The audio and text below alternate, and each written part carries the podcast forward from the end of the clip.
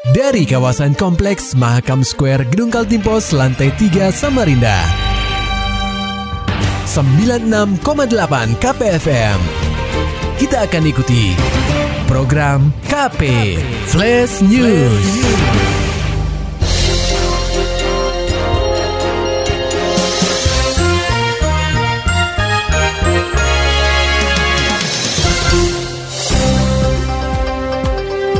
Pendengar KP, pelayanan administrasi publik di kota tepian perlahan mulai berjalan normal sejak dihentikan sementara akibat wabah coronavirus disease atau COVID-19.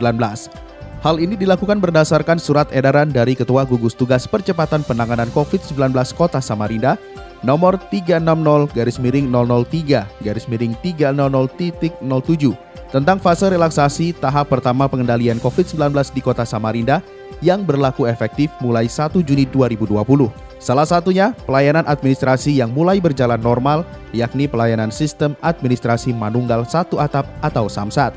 Kepala Samsat Kota Samarinda, Rianita menuturkan peniadaan sementara pelayanan Samsat berimbas kepada penumpukan warga saat pertama kali pelayanan dibuka pada Selasa 2 Juni 2020. Tidak bisa mas, memang kita ini kan ada tiga tempat, artinya ada di bawah, ada di apa di lantai dasar, lantai dua ada di basement kan? Oh di basement ada juga bu? Iya cek fisik. Oh.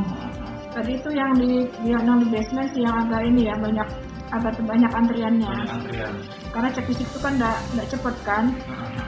Rianita mengungkapkan, saat hari pertama pembukaan pelayanan Samsat, pihaknya sedikit mengevaluasi teknis pembagian nomor antrian.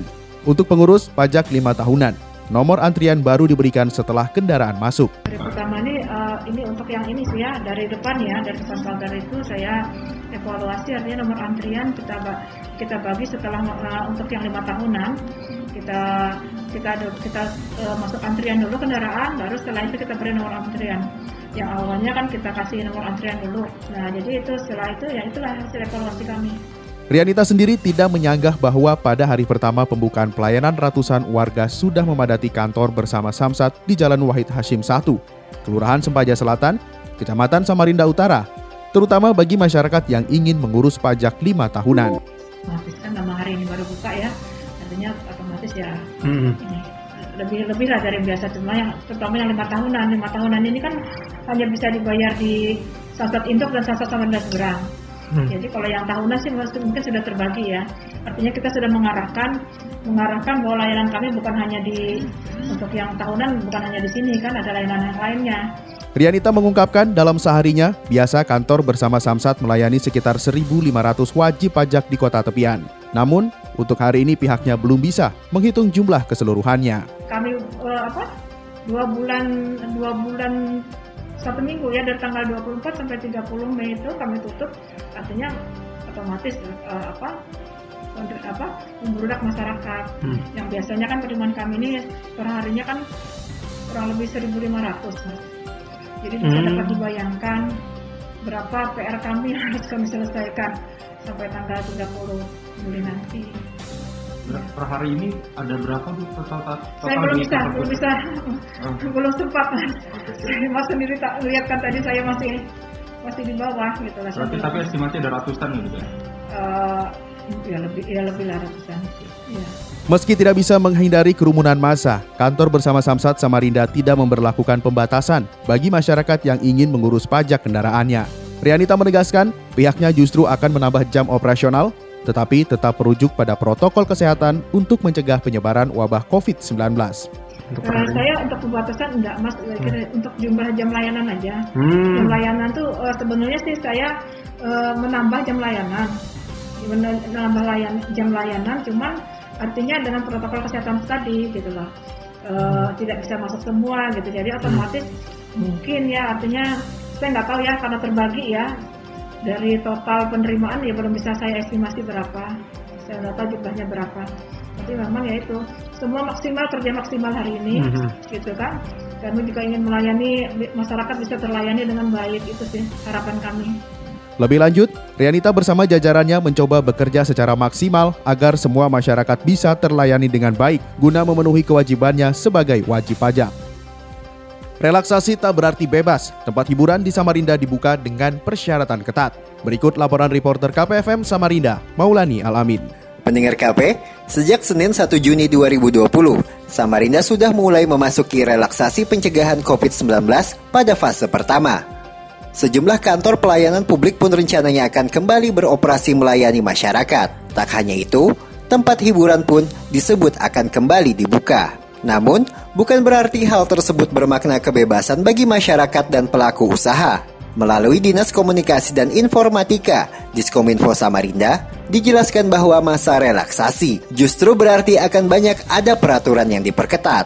Kepala Diskominfo Samarinda Aji Syarif Hidayatullah mengatakan, relaksasi yang diterapkan bukan berarti bebas, tapi justru aturannya diperketat. Normal. Jadi kita belum sampai kepada new normal. Jadi masa relaksasi itu ya ada eh, kelonggaran-kelonggaran atau pembatasan-pembatasan itu yang bisa sudah mulai di dinormalkan tetapi dengan protokol tetap mengacu kepada protokol kesehatan itu dari COVID-19. Pria yang kerap disapa Dayat ini mengatakan bahwa edaran wali kota Samarinda yang berisi penutupan tempat hiburan pun secara otomatis tidak akan berlaku. Namun, para pelaku usaha diminta untuk memperhatikan protokol kesehatan di tempat usaha mereka. Nah, jadi masa relaksasi ini kita persiapan menuju new normal itu. Kalau masa relaksasi ini dalam kurun waktu misalnya satu bulan ini kita evaluasi, misalnya ada tempat kita rapid semua gitu ya.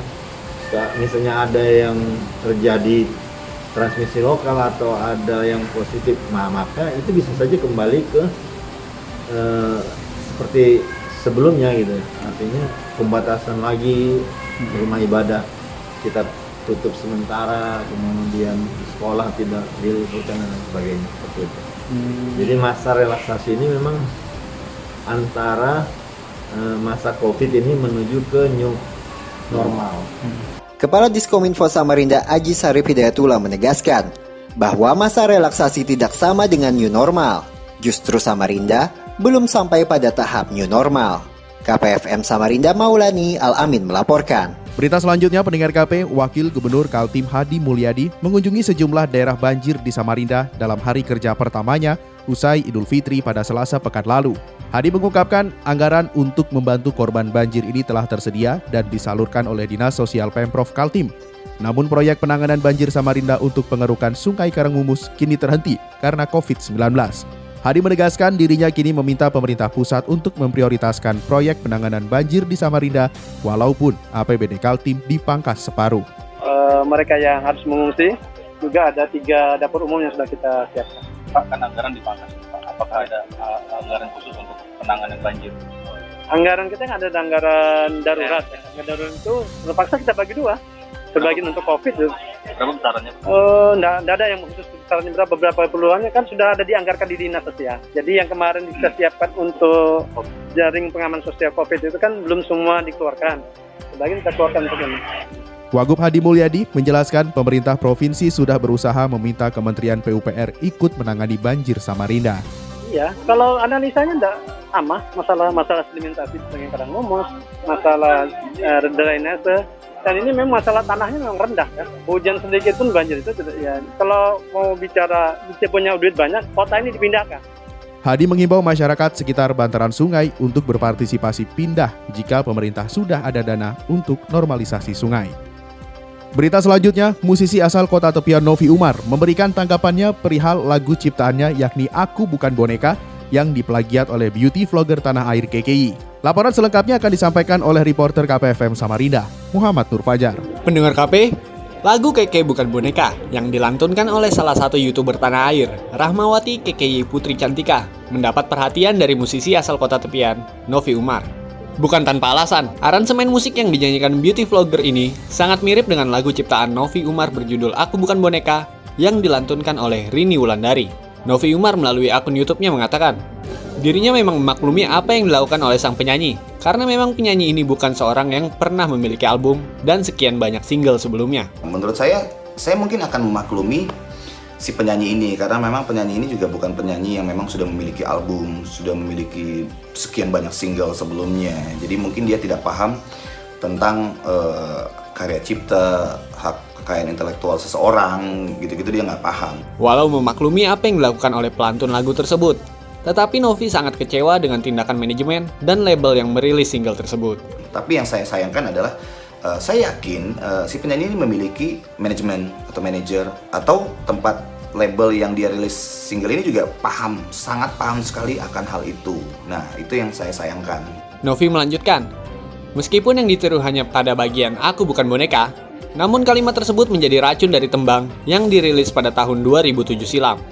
Secara tidak langsung, Novi menegaskan bahwa mereka mengambil karya dirinya tanpa izin. Part ini itu juga salah satu part yang menjadi uh, apa ya semacam kayak racunnya di lagu Aku Bukan Boneka.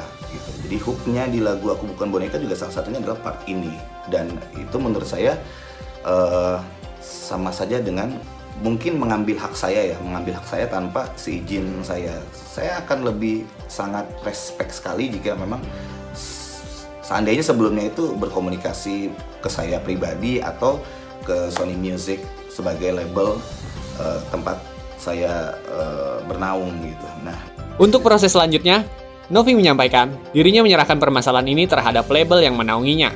Saya termasuk orang yang ya selalu ya udahlah ya, rezeki kan Allah yang atur ya. Uh, jadi kalau saya sih pribadi ya menganggapnya seperti itu. Nah kalau misalnya nanti ada ada uh, tanggapan yang berbeda dari label saya Sony Music atau uh, apa pun nanti itu ke depannya ya saya akan uh, memasrahkan semua kepada mereka karena memang pengelolaan lagu-lagu uh, saya ya melalui Sony Music. Lebih jauh, Novi mengharapkan kasus ini bisa menjadi pembelajaran bagi masyarakat agar bisa lebih menghargai karya orang lain.